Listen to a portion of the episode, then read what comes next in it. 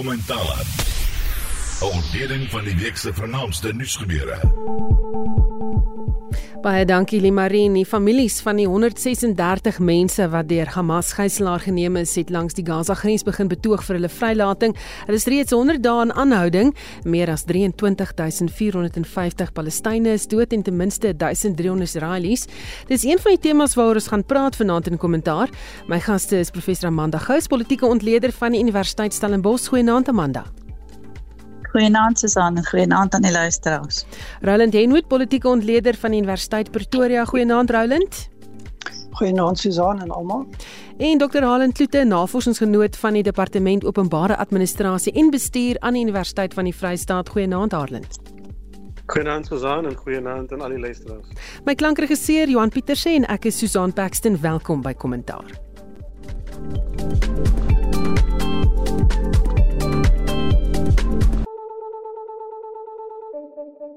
Ons begin sommer met die uh, buitelandse nuus. Duitsland het tot die hofstryd in Den Haag toegetree as derde party en voer aan dat die aanval deur Israel nie volksmoord is soos wat Suid-Afrika beweer in sy hofstukke nie. Duitsland het Suid-Afrika se saak voor die internasionale regshof gekritiseer.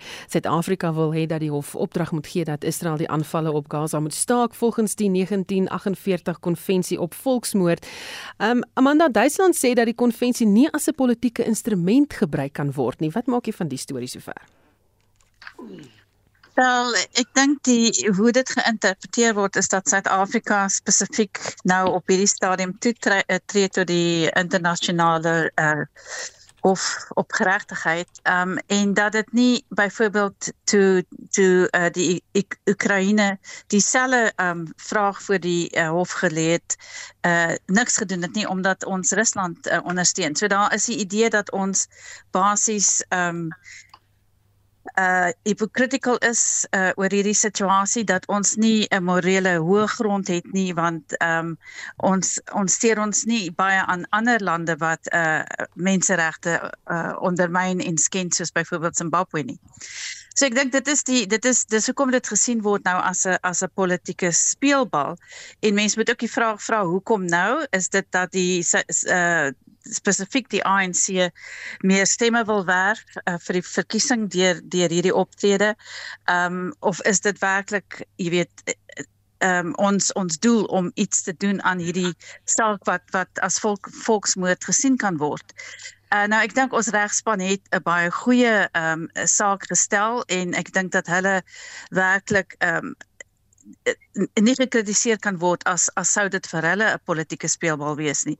Maar dan moet ons ook kyk na, jy weet, Duitsland is nie die enigste land wat krities staan nie. En en die saak wat Israel aangevoer het spesifiek uh, deur ehm um, Becker wat wat die die saak oor volksmoord uh, voorgelê het aan die hof is dat daar te min aandag gegee is aan die die ehm um, optrede van Hamas en en hoe dit ook besig is met 'n volksmoord op Israel en en al die vergrype van Hamas oor oor oor 'n lang tydperk um, en dat daar werklike vrees bestaan dat dit die doel is om om uh, die hele staat van Israel te vernietig. So ek dink dit is dis kompleks. Ehm um, Suid-Afrika is nie 'n groot moondheid nie. As ons gaan kyk watter state Suid-Afrika ondersteun het ehm um, voor die hof, dan is dit klein en gemarginaliseerde state. Ehm um, Ja, so so en ek dink die groot vrees hier is ook byvoorbeeld dat ons nou van uh die mense met wie ons die lande met wie ons handel dryf vervreem het, uh, spesifiek die FSA, miskien uh Brittanje ehm um, en so aan. So so jy weet is dit uh, en ek dink dit is die die die groot vraag hier is dit uh, is ons besig met 'n politieke spel hier. Hmm. Goed, daar's die wat meen Suid-Afrika steek sy kop in 'n byenes waar hy eintlik ook moet bly. Roland, die regering het ook by monde van Dirke laat weet dat hy nie op alle lande wat op hierdie saak reageer ook gaan reageer nie, want daar's ook baie lande wat die saak so Suid-Afrika omgestel het ondersteun. Wat dink jy van die storie sover? Ja, ek dink daar's twee aspekte wat belangrik is. Die eerste een is die kompleksiteit. En mense kan dit nie onderskat nie. Hierdie is 'n historiese probleem wat nie nou begin het nie. En dis een wat geweldig baie tyd en energie oor 'n baie lang tyd gevat het en daar's nie regtig vordering met die hantering daarvan nie. So mense moenie die kompleksiteit en die gevestigde belange wat hierby betrek word onderskat nie. Die die tweede dimensie daarvan is spesifiek rondom Suid-Afrika, die motiewe van Suid-Afrika, die keuses wat Suid-Afrika gemaak het in terme van watter hof word genader, op watter basis word dit gedoen. En en dan ek dink die punt wat Amanda aanraak wat wat belangrik gaan word in die toekoms is wat is die politieke gevolge hiervan en daar gaan politieke gevolge wees. Ehm um, as as ons gaan kyk na die proses self dan is daar 'n baie sterk gemaak. Ek is nou nie 'n regskundige nie, maar ek weet nie of daar 'n sterk saak uitgemaak dat daar 'n volksmoord is nie. Ek dink daar's 'n sterk saak uitgemaak dat die militêre operasies geweldig ehm um, traumatiese gevolge het die die die manier wat dit bedryf word en die impak daarvan dink ek is 'n skok vir meeste mense en en een van die redes is dat ons het verleer dink ek in die wêreld van hoe brutaal is werklike oorlog. Want ons is vir 'n baie lang tyd eintlik afgeskerm daarvan. En nou sien ons die werklike konteks van wat 'n mens kan noem 'n totale oorlog en hoe erg dit is en veral die impak op kinders, vroue, ou mense, mense wat nie hulle self kan verdedig nie. Ehm um, so so ek dink daar's 'n baie groot emosionele dimensie van maar daar's ook 'n baie belangrike humanitêre dimensie wat hier ter sprake kom. Hmm. Maar daar's 'n tegniese dimensie en dit gaan verby net die interpretasie van die reg. Dit gaan ook oor die praktiese dimensie van hoe regeer jy en hoe kom jy jou verantwoordelikheid as 'n regering na? En wat doen jy as jy 'n regering is soos die van Israel wat 'n militêre aanval want dis wat dit was en dan die voortdurende die die aanhoudende gevolge daarvan en die feit dat dit aanhou. Hoe hanteer jy dit? Hoe verdedig jy jouself? En dan natuurlik op 'n op 'n taktiese vlak. Hoe voer jy 'n oorlog in 'n gebied soos Gaza sonder om 'n groot klomp skade aan te rig, sonder om 'n groot klomp burgerlikes te gaan doodmaak en ernstig beseer. So daar's baie dimensies hiervan wat baie moeilik is en dis hoekom nie net die historiese verdeling hiervan nie, maar ook die verdeeldheid wat dit skep in terme van wat besig is om te gebeur. Dink ek nie moet 'n mens gaan onderskat nie. Ehm um, waarskynlik 'n baie belangrike argument wat gemaak is wat mens weer na moet gaan kyk. Wat is die verantwoordelikheid van regerings? En hier moet ons ook gaan kyk na jy het nie hier 'n gelyke verdeling van mag nie. Daar's nie 'n beginsel van twee state wat in 'n oorlog is nie. Jy sit met 'n regering wat 'n baie sterk militêre mag het. En dan sit jy met 'n basies wat beskou word in die westerse wêreld as 'n terreurorganisasie wat baie selektief kan optree en dan en ek dink dit is iets wat die Israeliese verdediging tot 'n mate begin uitlig het is die misbruik van Hamas van burgerlikes, van burgerlike infrastruktuur en mense. So hmm. is 'n baie moeilike kwessie. Ek dink die saak wat Duitsland aanroer en dis een van die argumente wat in die in die Israeliese verdediging gekom het is ons moet pas op om die idee van 'n volksmoord te gaan trivialiseer, om dit te gaan gering maak en amper elke konflik waar daar is as 'n volksmoord te gaan probeer aanbied, want dit gaan geweldige implikasies hê vir hoe enige regering op enige tydstip kan optree, ja. maar dit gaan ook geweldige implikasies hê vir die kwessie van wat is die veiligheid van mense, van burgers en hoe word dit in stand gehou. Hmm. En en ons kan gaan kyk na die voorbeelde van sake wat in die hofsaak gebruik is. Van dit was van die mees brutale en krasse oortredings wat jy kan kry, maar nie almal is geklassifiseer as volksmoord nie.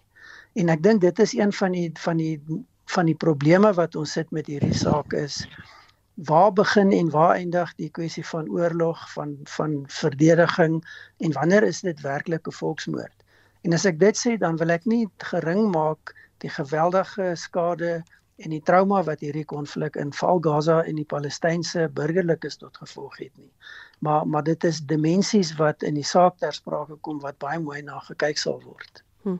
Harlen, ek hoor vir jou daar in die agtergrond.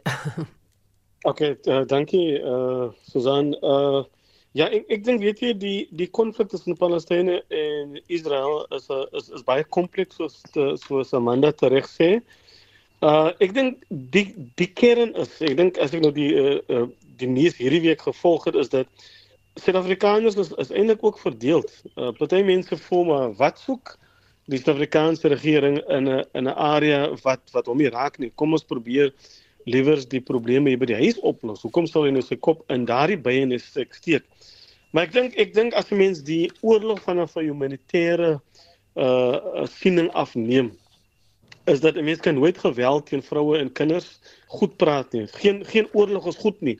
En as jy mens kyk die Palestynë kla nou al vir jare en dekades al hoe die Israelies hulle hanteer en hoe hulle uh, en en dis dis hoekom party mense die vergelyking maak tussen apartheid Suid-Afrika uh voor 94 en wat met die Palestynë gebeur uh uh binne binne in in in daardie opsig. So ek dink Suid-Afrika Suid-Afrika het 'n of dit nou politieke uh punte is wat hulle wil wil wil skoor hier voor die verkiesing. Uh terwyl die wêreld uh, niks doen nie en dit nie uh, teenpraat nie, het Suid-Afrika nou gevoel maar kom ons gaan gaan toets die meriete van die saak voor die internasionale uh uh, uh hof. En en ek dink Suid-Afrika het sy het sy saak baie goed gestel. Uh die die oorlog dan moet 'n einde kom aan hierdie oorlog en baie het al genoem van die twee staat oplossing. Maar die manier, ek dink ek dink die Palestynë dit wat gebeur het en ek en ek weer eens ek praat dit nie goed nie.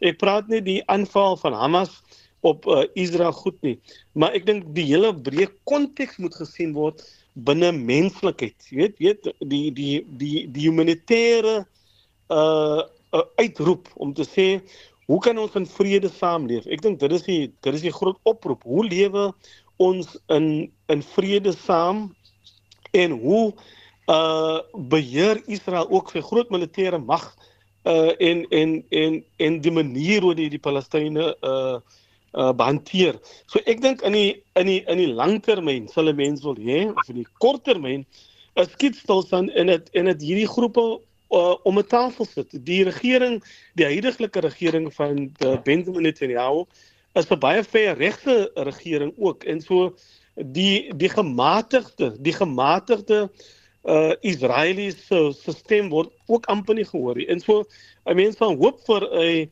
uh 'n 'n oplossing wat sal vrede bring in die mille in die in die in die in daardie gebied. Want daar was tog 'n periode waar Christen, Jood en moslim saamgeleef het. Daar is ook 'n narratief wat wil sê dat dit is Christene teen moslems in in daardie area. Maar ek het die ander dag 'n klip gesien op Kersdag van Christen Palestynë en so wat uitkom uit daai gebied het ook is is is ook ek dink dit was baie van dit word gefilter en die moslim versus Christen uh, narratief word baie keer gestel daar is ook 'n narratief in Suid-Afrika wat sê as jy 'n Christen is, dan moet jy nou Israel ondersteun. En as jy teen Israel praat, dan dan bring jy God se wraak op jou toe. En so vir my gaan dit vir die van die uit die oogpunt net van die humanitêre hoe hoe kry ons die, ons menslikheid terug? Hoe hanteer ons mekaar sodat ons in vrede saam kan leef? En en en en ek dink dit is die groot oplossing of die of die groot kwessie van die Israeliese Palestinië uh konflik en Suid-Afrika se toetrede tot dit om om probeer dat 'n derde party dan nou uh uh sal sê uh hoop vir 'n skietstilstaking dink ek moet uh, needs to be applauded. Hmm. Dan is, kan Susan kan ek hmm. net inkom ek ek wil net miskien twee ander opmerkings maak wat verwant is vir my en dit is waar baie van die verwarring rondom die rol van Suid-Afrika ook inkom as ons dit net nader terugbring aan Suid-Afrika. As ons gaan kyk na ons verklaarde buitelandse beleid oor 'n hele lang tyd, dan is daar 'n paar beginsels wat nogal beklemtoon is. Een daarvan is die aanvaarding van die idee dat regionale belange en verantwoordelikheid nogal belangrik is. Die die beginsel wat teruggevoer kan word na die tyd van president Thabo Mbeki van Afrika moet gelos word om sy eie probleme.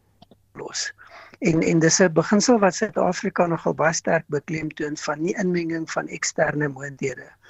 En interessant wat ons nou hier sien is dat Suid-Afrika eintlik van buite die streek toetree en 'n baie belangrike stap neem. Ek dink ons moet onderskat die belangrikheid nie net simbolies nie, maar die werklike belang daarvan nie.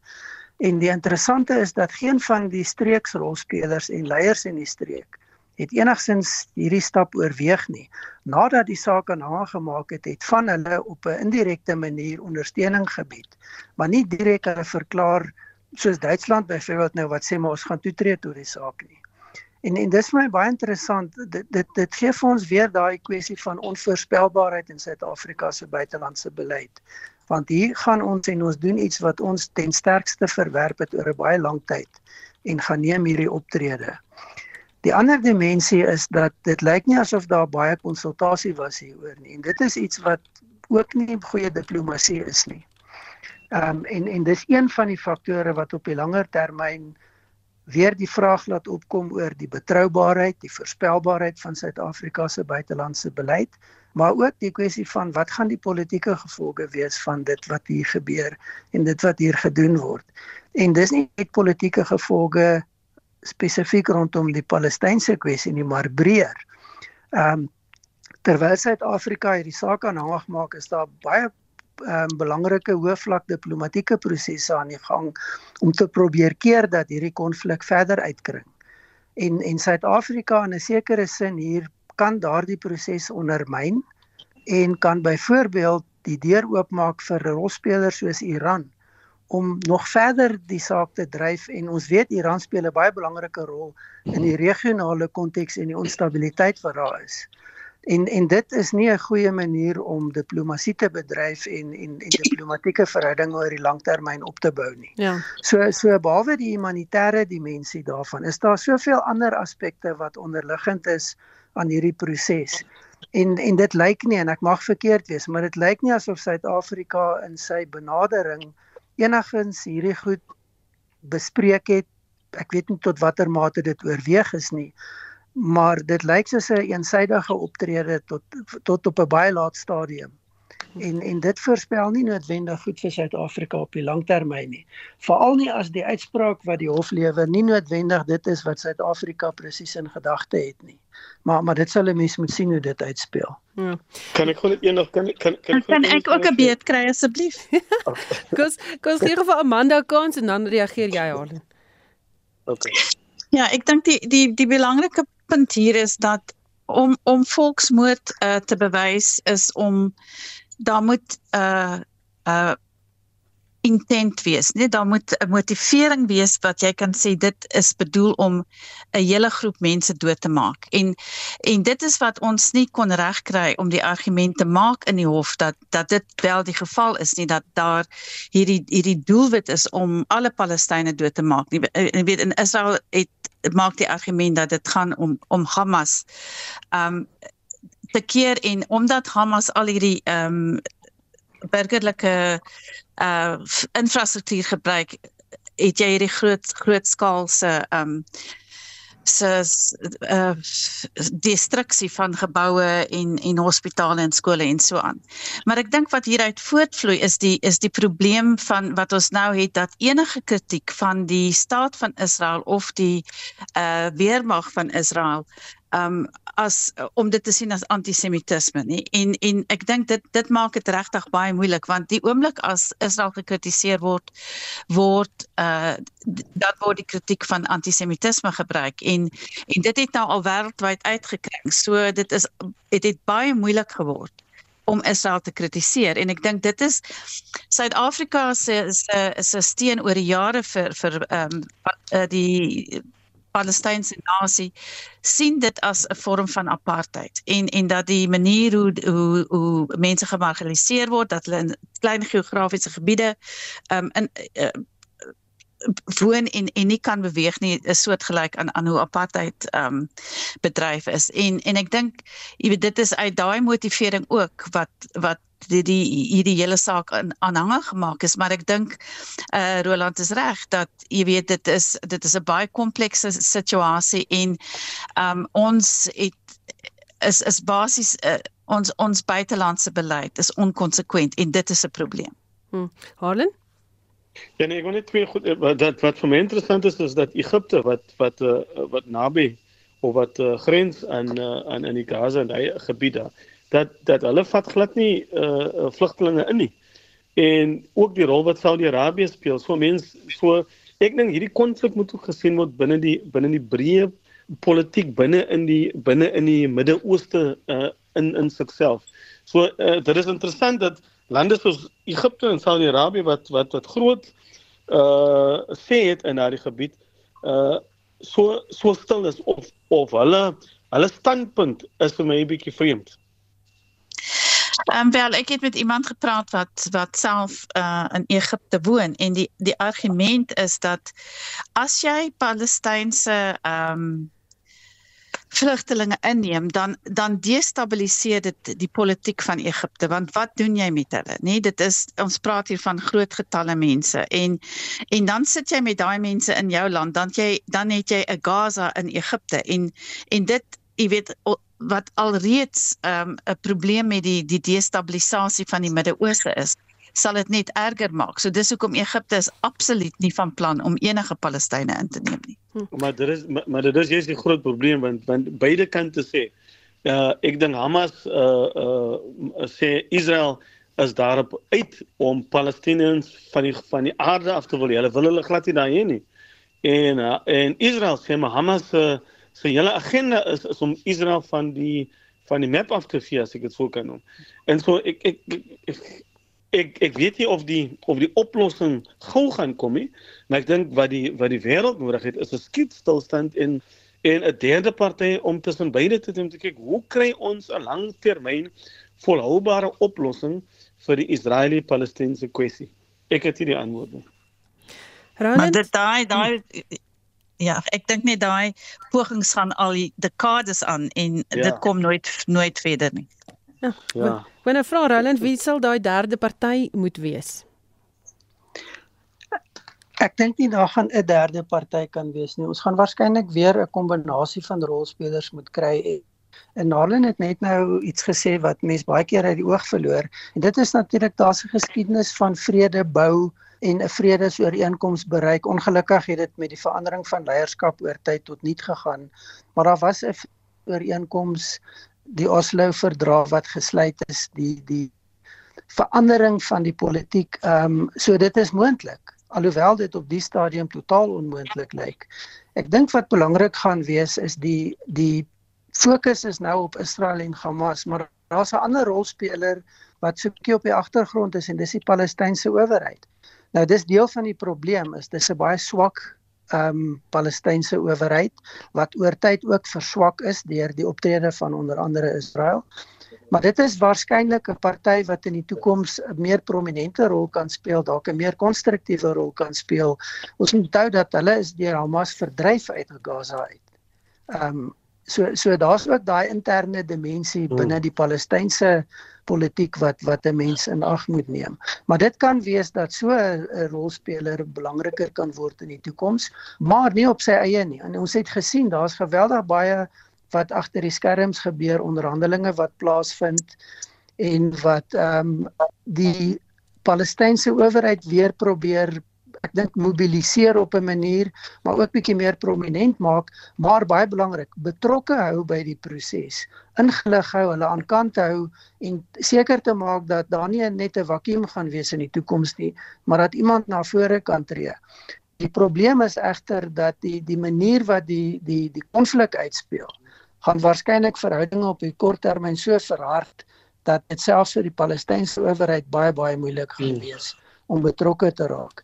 En dan gaan 'n mens moet kyk wat ek meen ek het nou verwys na die streek, maar een van die groot mislukkings in die afgelope paar jaar is natuurlik die VN en veral die Veiligheidsraad wat net eenvoudig geen besluite geneem kan kry rondom hierdie kritiese sake nie. Alhoewel en ek dink dis dalk nie 'n draaipunt nie, maar 'n belangrike verandering. En ons het gesien dat verlede week die Veiligheidsraad die, die optrede goedgekeur op om teen die Houthis op te tree in die Rooi See. So so dit mag wees dat daar nou 'n besef is dat hierdie ding gaan weghardloop en die hele wêreld insuig as daar nie op 'n stadium beheer gekry word en daadwerklike ja. stappe geneem word nie. Roland, ek wil vir jou vra terwyl jy praat van die Houthis in die Rooi See, ek sien die Chinese minister van buitelandse sake Wang Yi het vroeër vandag gevra dat die aanval op skepe in die Rooi See wat passasiers vervoer gestop moet word. Ehm um, Hezbollah het intussen ook gesê dat die VS al groot fout maak as hy dink sy aanvalle op die Houthis gaan die geveg daar stop sit. Waarop stuur hierdie af? Die interessante vir my is dat die Veiligheidsraad hierdie optrede goedgekeur. So dit sê dat Rusland, China, Brittanje, die VSA en Frankryk ondersteun die beginsel dat die aanvalle gestop moet word en dat die Houthis verkeerd is. Dis natuurlik ook 'n regwysing indirek van Iran want Iran sit agter die Houthis bewapen hulle lei hulle op. Ehm um, ek dink wat ons gesien het is 'n baie sterk waarskuwing van na die besluit van raad van 'n hele groepering van lande wat deel was van die aanvalle, maar dit was nie 'n direkte militêre aanslag. Dit was af, op afstand, missiele wat gebruik is, 'n tegnologiese aanval as ek dit so kan noem en en waarskynlik 'n deel van die Houthi se vermoë geneutraliseer, maar 'n baie belangrike boodskap gestuur. En daai boodskap is tweeledig. Is 'n politieke boodskap van daar's 'n verenigde benadering wat uit die veiligheidsraad kom en dan ook julle is met 'n oorlog besig wat julle nie die vermoë het om te kan voer nie, nie nie teen die bondgenote wat daar betrokke is nie. So moontlik sal dit 'n verandering begin bring. Ehm um, daar's baie kom groot kommer oor wat gebeur in terme van die Rooi See, maar ook in terme wat gebeur in die suide van Libanon met Hezbollah. En en dit is die twee dimensies wat geweldig baie aandag kry en baie diplomatieke aktiwiteit tot gevolg het. Want dit is regtig belangrik dat nie net Gaza gestabiliseer word nie, maar dat die streek gestabiliseer word. Ek dink nie iemand is lus vir 'n oorlog in daardie streek op die stadium nie en almal probeer baie hard om die die temperature af te bring en 'n mate van stabiliteit te kry. Ehm um, en ons gaan waarskynlik ons het dit reeds begin sien dat president Biden al hoe sterker begin optree in sy uitsprake en die boodskappe wat hy aan Netanyahu gee.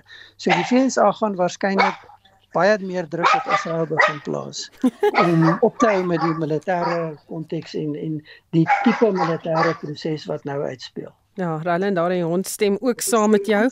Ehm um, Amanda, ek wil gou by jou hoor, die saak hier vir verdeel mense op eie bodem vreeslik. Ehm um, as ons kyk aan die voorblad van rapport, uh, dis die kwessie oor die ontheffing van die onder 19 kriketkaptein glo omdat daar vrese is oor sy veiligheid want hy is Joods, David Tiger. Ehm um, veiligheidsagentskappe sê egter daar's geen veiligheidskwessies nie. Koerante berig dis 'n politieke spel wat hier ook gespeel word. Wat dink jy van die storie? Ja, wel, ek dink hy uh het al van tevore uh doodstrygemente gekry en jy weet ek dink dit is belangrik dat dan na sy veiligheid omgesien word, maar 'n mens sou dink dat hy um 'n keuse gegee moet word om self te besluit.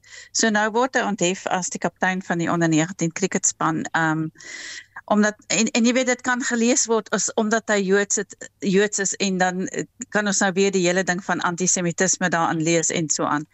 So ek dink uh jy weet dit is um dit wys net vir ons hoe hierdie hele kwessie globale gevolge het, nê, nee, oral oor die wêreld. Nou op kampusse is gemeenskappe verdeel. Um daar's um uh antisemitisme, daar's um islamofobie, daar's allerlei probleme en dit is geweldig verdelend. Dit is nie asof kampusse nou nog plekke is waar ons debatte kan voer oor goed nie. Dit is net hierdie absolute verdeeldheid. En die groot kommer wat ek dink ons o, o, moet hê is is is ons besig om te kyk na 'n nuwe wêreldorde. Net en Putin is ook al klaar uh, betrokke in die in die Midde-Ooste. Ehm um, hy hy het onlangs gesê hy veg die die oorlog teen die Oekraïne ehm um, on behalf of the Palestinians. So dit is dit dit is 'n is 'n ongelooflike verdelende kwessie en ek meen ons sien dit nou met met hierdie hierdie hele kwessie rondom die die cricketkaptein. So ehm um, en en en ja, en soos ek sê, is ons besig om te kyk na 'n uh, 'n nuwe wêreldoorlog en ek dink dis die punt wat ehm um, Roland gemaak het is dat die die weet die uit die VN nou kom daar soort van 'n boodskap dat daar 'n verenigde front is teen ehm um, magte wat die wat die Midde-Ooste nog verder kan destabiliseer. Ehm um, ja. Hm. Holland, uh, dit bring my dan nou ook weer steeds terug na ons eie land en wat hier gebeur in die Wes-Kaap is daar onmin oor die Kaapstad Metro 'n Pal Palestynse vlag doodgeverf het. Die vlag is oor vloekwoorde en ander graffiti geverf. Die gemeenskap sê dit het die Metro nie geplan nie. Dis nou die vloekwoorde en die graffiti nie. So hoekom die vlag nou doodverf? En jy weet hoe groot is die spanning oor hierdie oorlog in die Wes-Kaap? Ek dink soos ek dink soos Amanda reg sê dit dit veroorsaak spanning uh tussen gemeenskappe en want daar is baie sterk sentimente vir uh, vir Israel en uh, en dan ook teen Israel. Maar weet jy, ek het ek het geen twyfel dat dat die rol wat Amerika ook speel binne in die binne in die binne in die breë uh oorlog wat wat dan nou daar plaasvind. So dit dit verdeel gemeenskappe en daar is verskillende persepsies soos ek gesê het, mense vat dit baie ver. Mense vat dit as jy as jy Christen is moet jy nou vir Israel is en as jy teen Israel is en dan bring jy nou die vloek van God op jou.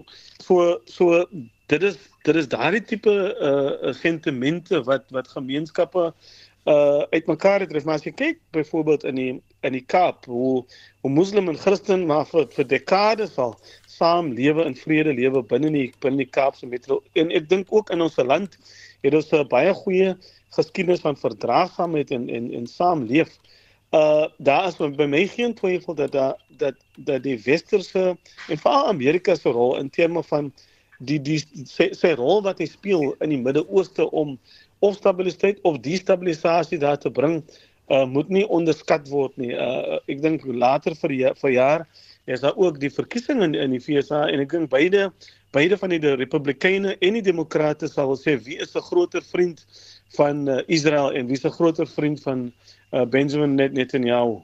Hmm. Kan kan ek net iets sê oor daai vlag want uh, die die burgemeester van Kaapstad Gordon Loos het 'n uh, onderhoud op die radio gedoen die week. En sy argument is dit is dat die gemeenskap het nie toestemming gevra om daai vlag daarop te te verf nie. As hulle, jy weet, dit is moontlik om die vlag daarop te verf, maar dan moet dit die die regte prosesse volg. Ehm um, en en hulle maak hulle het blykbaar laas jaar oor die 27000 goed toegeverf wat die wat die stad toegeverf het omdat die regte uh prosesse nie gebruik is nie. Hm. Maar dit ek, ja. Sê maar. Ek dink dis 'n Nee nee, ek dink ek dink dis daar daar is soveel graffiti wat daar is. Ek het al springbok vlagge gesien rondom uh, rondom bloks en sulke tipe goed. So weer eens dit is dit, dit is daardie konsekwentheid. En uh, baie keer is persepsie dan nou dan nou waarheid. So you know perception becomes truth. So dit die stad Kaapstad gee die indruk dan nou deurdat hy ook nie konsekwent is met met dit wat hy doen nie. Mm Goed, kom ons gaan aan na 'n volgende tema toe en uh, die leier van die ANC, Cyril Ramaphosa, die afgelope naweek tydens die party se 8 Januarie feesvieringe in Bombela en Mpumalanga gesê dat die wat wegbreek van die party erger is as regs is en dit is ook volgens kenners die eerste keer dat hy ook verwys na die woelinge in die ANC. Hy het gesê die wegbreekers is nie vir verandering nie en nie so liberaal soos die ANC self nie. Hy het ook gesê dat die ANC die enigste party in die land is wat vorentoe beweeg. Ehm um, julle indrukke oor die naweek se gebeure Um Amanda het op vroueregte gefokus en gesê wat hulle alles al vir vroue gedoen het. Um het die ANC werklik soveel gedoen vir vroueregte? Ja, ek het na hom geluister en ek meen dit het uh, wat vir my uitgestaan het is weer die dieselfde ou ehm um, boodskappe, jy weet, dis apartheid se skuld dat ons nog is waar ons is en hoeveel die ANC gedoen het, want hulle het in hulle het niks om om te wys vir wat hulle eintlik gedoen het nie. En dit uh, dit krap my regtig omdat vroueregte uitgerol word as uh, as 'n prestasie, want as ons gaan kyk hoeveel goed wat wat vrouens uh, bemagtig het teruggerol is in die laaste 10 jaar. Hoeveel verliese daar was, hoe hoeveel wetgewing nie geïmplementeer word nie, dan is daar werklik niks om op trots te wees nie en die ministerie van vrouens, jeug en mense uh, met gestremthede is is totaal disfunksioneel. So jy weet dit is nie ehm um, jy weet ek ek dink net nie dit is dit is moeite werd om om daai tipe uitsprake te maak nie. Maar ek dink wat vir my ehm um, uh ook belangrik is is dat hy uh, koalisies ehm um, absoluut uh, ges, uh, gesê dat dit dit kan nie werk nie dit sal 'n 'n disaster wees. Ehm um, so hy maak al klaar die hele kwessie van koalisies af as as as dit asof dit nie sou werk nie. Ehm um, en dit is ook 'n manier om stemme te trek. Uh en ja, en ek meen dan sy uitsprake oor die anti-transformasie ehm um, magte wat wat nou basies verwys na Zuma en en ehm um, en Zuma se optrede maar ek meen Zuma is 'n skepping van die ANC. Uh so hulle hy moet iets sê daaroor, weet want hy hulle hulle moet Zuma op een of ander manier stuit want Zuma was veronderstel om die landelike stem te bring vir die ANC in die verkiesing en dit gaan nie gebeur nie. So dit is nog 'n kopseer vir die ANC. Roland, uh, is hy reg oor die wegbreekers soos hy hulle noem en soos Amanda nou gesê het, is hierdie dalk 'n dwarsklap na Zuma? Uh, dit is 'n dwarsklap na Zuma, maar dit is sommer 'n dwarsklap na almal dink ek wat buite die ANC direkte dampkring van die ANC staan. Die interessante met met die herdenking is dat die ANC regtig al hoe minder het om aan te bied. Daar's niks nuut nie. Daar's geweldig baie probleme. En die vieringe hierdie jaar staan eintlik in die konteks van die kontroversie wat van binne die ANC die hele tyd besig is om na vore te kom. En dan wys dit die onvermoë ten spyte van die senior leierskap wat bymekaar kom, is daar skynbare onvermoë om die probleme te hanteer en en op 'n deurslaggewende manier op te tree. So daar's leierskapsprobleme wat baie duidelik wys, maar daar's ook verdeeldheid wat baie duidelik wys. En dan kry jy die opportunisme van 'n Zuma wat dit uitbuit. En ek dink dit is die punt wat dalk mense na moet gaan kyk. Dis nie Zuma wat met 'n alternatief kom nie. Dis Zuma wat die swakpunte van die ANC baie goed ken. Baie daarvan het hy geskep. Nie almal nie, maar baie daarvan. En hy's besig om dit uit te buit. En hy weet en hy maak staat daarop dat daar nie leierskap gaan wees en eensstemmigheid gaan wees om daadwerklik op te tree nie. Ehm um, en hoe meer ons begin hoor en agterkom van wat sit agter wat Zuma nou doen, hoe meer begin mense besef dat dit eintlik ook maar 'n desperate poging is en ek dink dit word lewend gehou deur die onvermoë van die ANC, glad nie deur dit wat Zuma besig is om te doen nie. So dit dit laat 'n mens anders kyk na die 112 jarige bestaan en die vieringe van 8 Januarie wat eintlik nie in my oë die aandag gekry het wat dit moet kry nie. Die die dis amper 'n terloopse verwysing na die 112 jarige bestaan en en dan is dit 'n partytetiese verkiesingsveld tog. En en maar daar's bitter min substansie daarin. So waarskynlik een van die swakste vir um, 8 Januarie vieringe in my oë in die ANC se geskiedenis. Arlan, uh, ek sien Ramaphosa het ook baie klem gelê op die jeug en wat daar gedoen word vir die jeug. Is daar werklik so baie vir hulle gedoen en sien ons genoeg van die jeug? Ek dink ek dink dit is die dit is die groot vraag. Jy nou gaan die gaan die jeug betrokke wees, gaan die jeug uh, uh na die stembus toe gaan, gaan hulle registreer om te gaan stem. Soos Malema se party, naamlik die EFF natuurlik uh, gaan gaan uit na dit toe want die EFF se vertrekpunt is dat ons het swart mense het politieke mag in hierdie land, maar het nie ekonomiese mag nie en dit is die werklikheid. As jy mense gaan kyk, uh ek dink Ramaphosa is reg dat die dat hoe Suid-Afrika nou lyk, dat dit baie veranderinge gebring.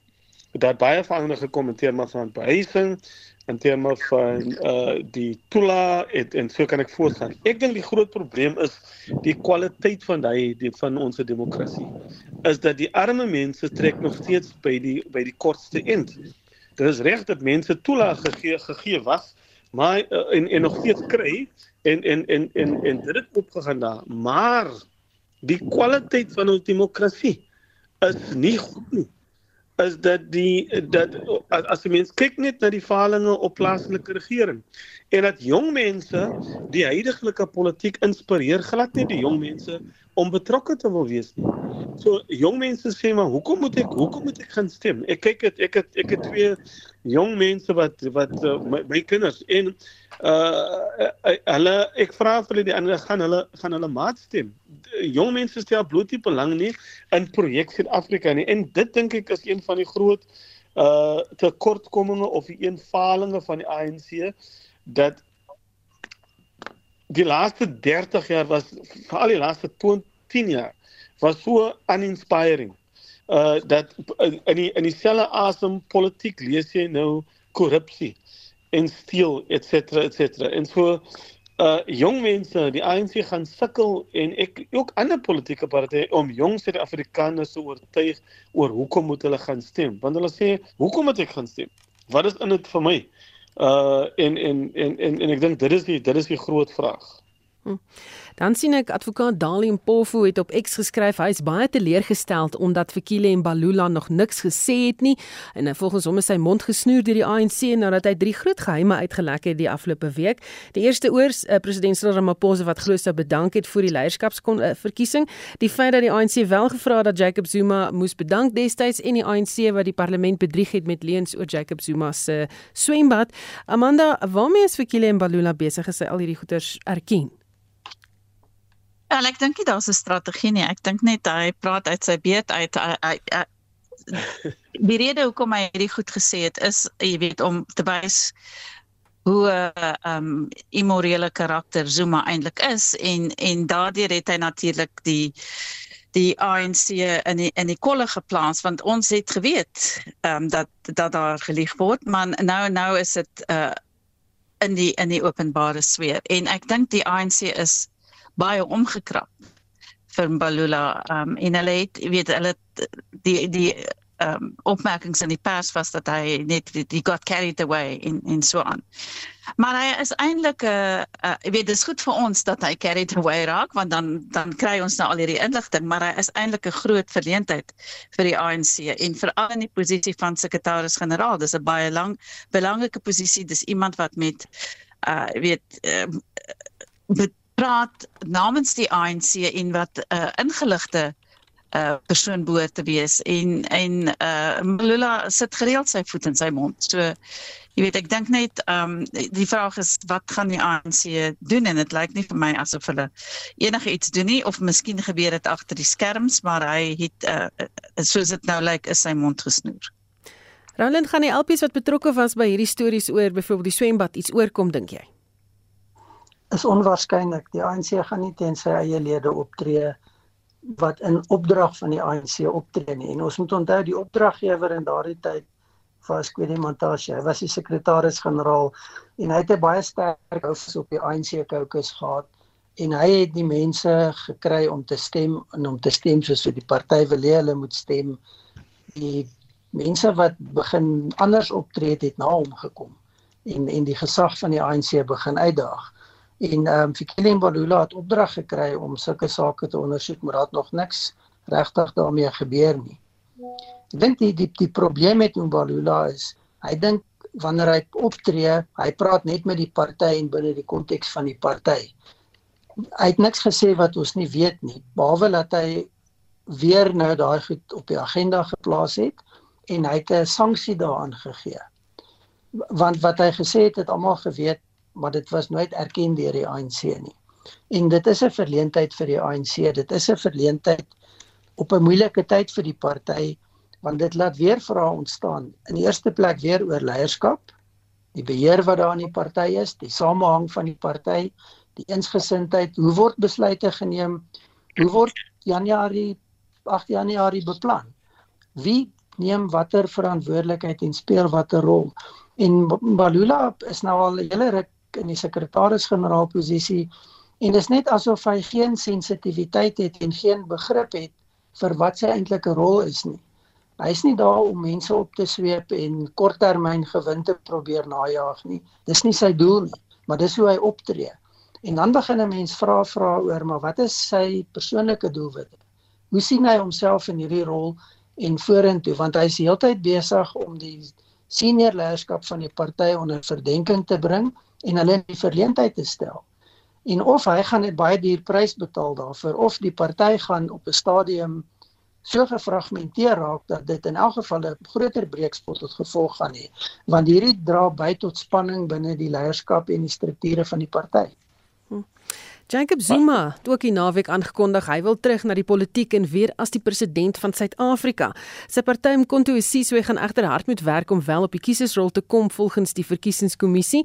Amhalen Zuma het tydens die loodsfunksie van die party destyds gesê dat the, the new people's war starts from today. Dis sterk en aggressiewe woorde. Wat maak jy van hierdie aankondiging van hom?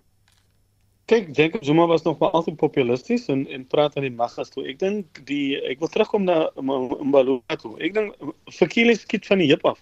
En so hy gaan sê wat hy wil. Hy, as die de facto CEO of die of die bestuurende direkteur van die ANC uh, eh, speel hy 'n baie belangrike rol. Nou diplomat diplomatie is nie eintlik in sy leksikon nie, want hy hy hy van die heup af en en hy's ook populisties. So so Jacob Zuma dit verbaas my uh, die energie van Jacob Zuma dat hy nog energie wil hê om terug te kom. So Jacob Zuma natuurlik is uh is uh bekend daarvoor van die van die slagofferspeel. En so een van die redes hoekom hy sê hoekom hy wil terugkom is dat hy voel dat hy is onverdig uit die ANC uit uh, uitgeskop en dat daar is sake wat hy moet afhandel vir die massas. Nou natuurlik ek dink mense maak of of regering ja, 5 jaar is 'n baie kort tyd om om iets om iets te kan doen. So die die kompleksiteit van die van regering dink ek staan die kiezer nie altyd so goed nie. En so dit is hoekom politici kan opstaan en te sê, weet jy, ek gaan dit doen. Ek gaan dit doen. Ek gaan dit so vinnig doen. Uh, totdat hy daai persoon in die stoel sit, dan kom hy sê agter die kompleksiteit. Ek het ek, ek, ek neem my uh die die dit is maar retoriek van van Jacob Zuma dis vintage Zuma. Ek is slagoffer uh ek het ek het uh, onderdane sake binne in die land. As ek kies vir my dan ek sal die lot van arme mense verander. Ek ek dink dit dit dit gaan gebeur die ANC daar is uh daar is vir my geen groter uh uh klad as die wêreldbank se bevinding dat Suid-Afrika is die mees ongelyke land in die wêreld nie en dit met 'n ANC regering wat met 'n meerderheid regeer het vir die laaste 30 jaar uh wat net nie uh sy sy ekonomiese beleid het net nie hy het, hy het meer maatskaplike toelaag gegee maar hy het nie noodwendig mense uit armoede uitgelig en mense uh, selfonderhoudend maak nie. En so die wêreld ons groot probleme in hierdie land bly armoede ongelykheid en werkloosheid. En die ANC het, het die jeug ook gefaal deur dit en hoekom ek sê die jeuggeval as jy mens kyk na die na die toestand van ons skole byvoorbeeld uh, daar's op twee vlakke waar waar ons faal die jeugval is op uh, gelyke toegang tot opvoeding. Ons lewe in twee wêrelde letterlik in wanneer ons kom by jeug en my en my toegang tot tersiêre uh, uh opvoeding. En op munisipale vlak de, de twee dae gelede het is is daar berig dat uh, tot 'n derde van munisipaliteite is is net nie funksioneel nie. So dis baie maklik om op uh, om op 'n uh, uh, trok te gaan staan en sê ek gaan dit doen. Jacob Zuma is het 'n rekord in hierdie land van populisties en, en net praat, uh, maar dit is dit is leeg. Max de Pre het 'n interessante stuk in die Vrye Weekblad geskryf. Hy sê die ANC boer agteruit, maar wat van die oppositiepartye? En hy vra ook hoe bang moet mens wees dat Jacob Zuma die land gaan ontwrig, Amanda?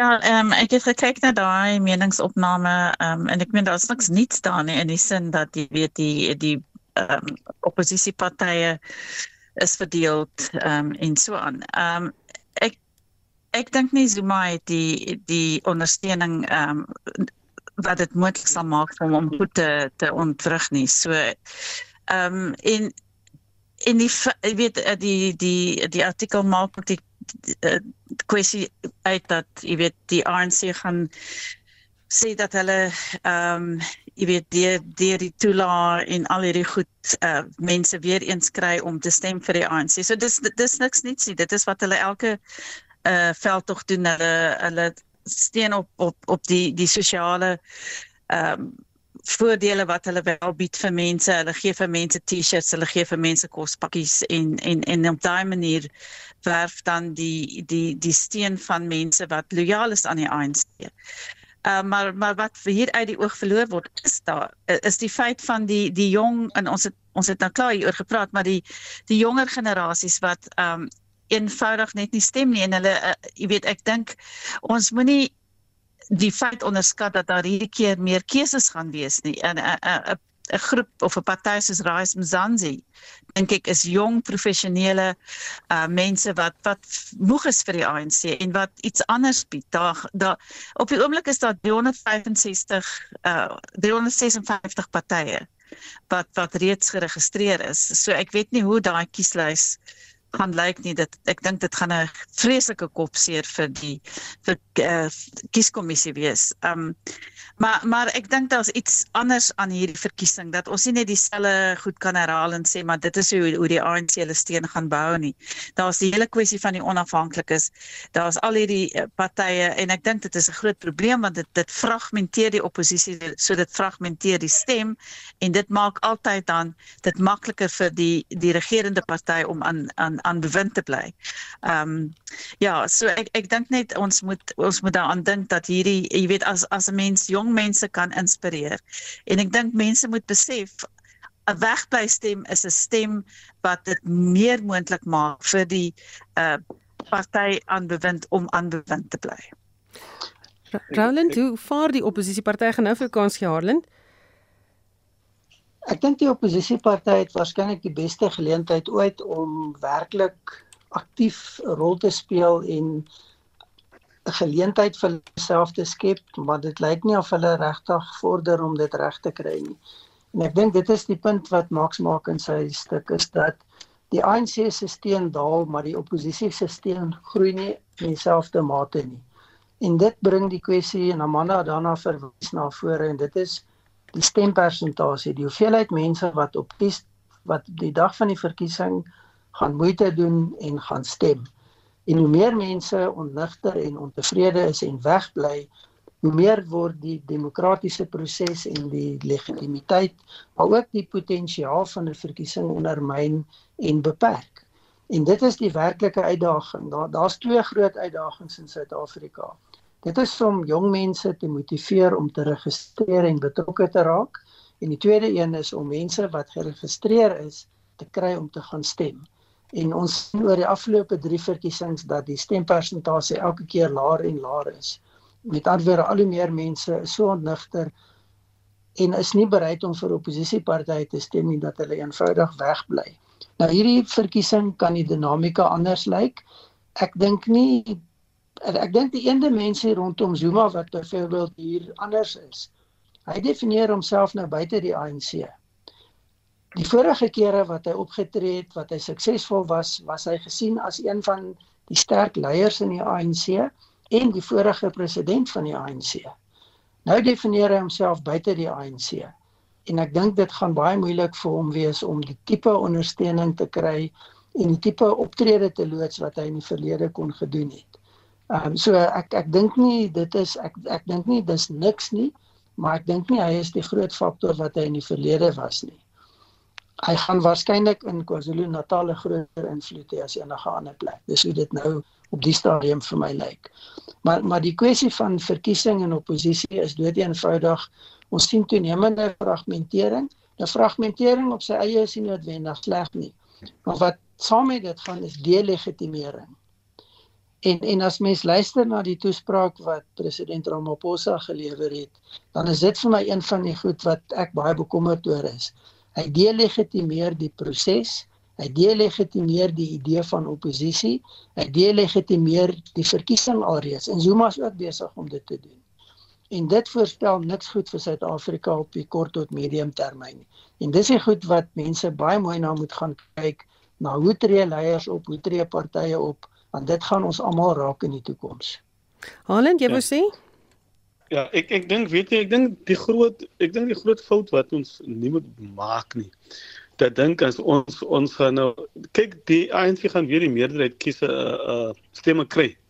Hy gaan nie noodwendig ons is nog nie seker of hy gaan heeltemal alleen kan regeer en so koalisies is die is die toekoms of hy dit nou wil hê of nie ons sal daarin moet gewoond raak. Maar die maar die mees belangrikste is dat Suid-Afrikaners kan nie hulle lot op na net op vir die politici los om om op te los nie.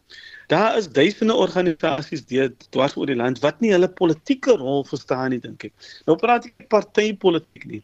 Daar die kerk, daar's die rugby klubs wat wat wat menigte uh uh mense om hom organiseer.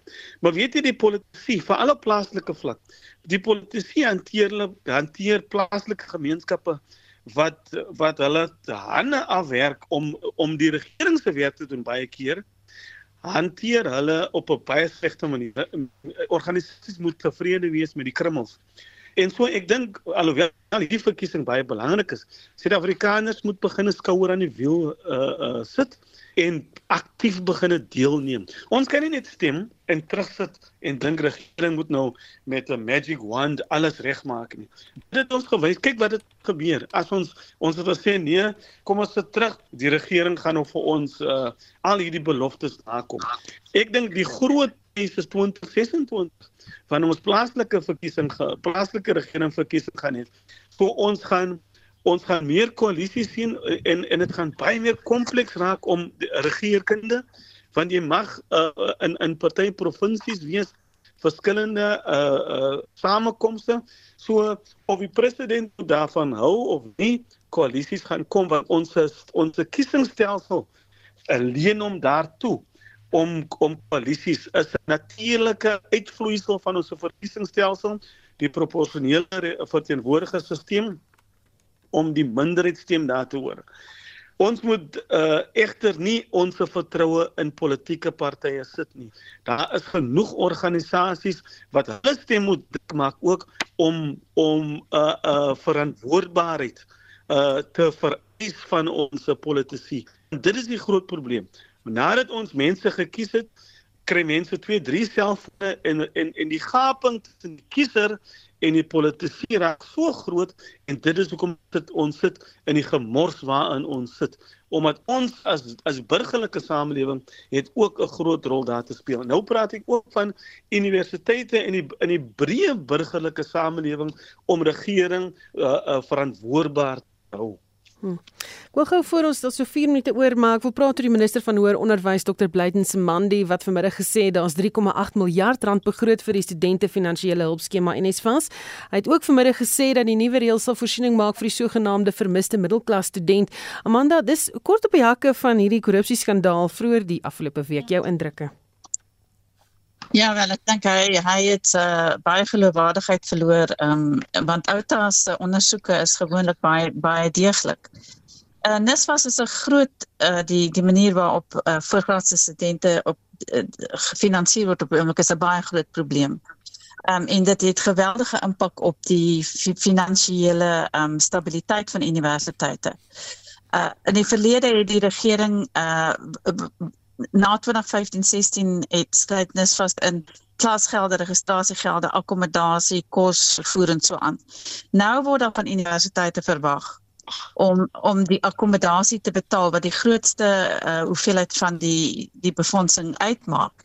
En ehm um, en die die subsidie vir universiteite is gesny. Wat beteken universiteite raak al hoe armer en hulle hulle moet van hulle ehm um, core functions moet hulle ehm um, verminder omdat daar net eenvoudig nie meer geld gaan wees nie. Uh so jy weet ek dink hulle uit vandag gepraat van 'n nuwe model wat voorsiening maak vir beurse lenings en scholarships. Nou dit is selfe woord uh, in Afrikaans is ook beurse, maar maar maar maar jy weet die die as jy dan nog die missing middle bysit dan sit dit dan plaas dit nog 'n groter finansiële las op die regering en daar is reeds nie geld nie. So is nie vir my duidelik hoe hoe lewensvatbaar hierdie idees is nie.